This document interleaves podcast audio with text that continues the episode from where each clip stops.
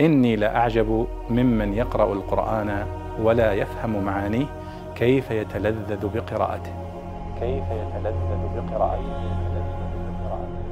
هذا سائل يسأل عن قوله تعالى في سورة صاد كم أهلكنا من قبلهم من قرن فنادوا ولات حين مناص ما معنى ولات حين مناص المناص هو مصدر ميمي من ناص ينوص مناصا أي مهرب.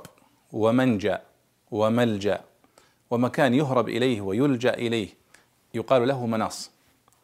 يقال لك لا مناص لك من الحساب أي لا مهرب لك من الحساب. لا مناص لك من التسليم بالأمر الواقع أي لا ملجأ لك ولا مهرب.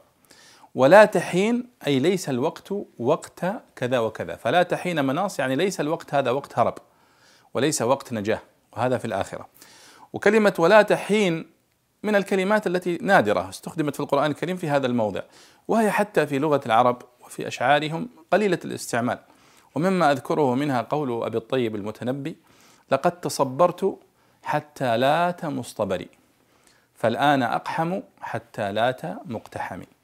فأي حتى لات مقتحمي أي حتى لم يبقى وقت آه، إلا للاقتحام. وتصبرت حتى لات مصطبري أي حتى لم يبقى وقت للصبر. فكذلك ولا تحين مناص أي ليس الوقت وقت نجاة ولا وقت هرب من عذاب الله سبحانه وتعالى. هذا هو معنى ولا تحين مناص. والله أعلم.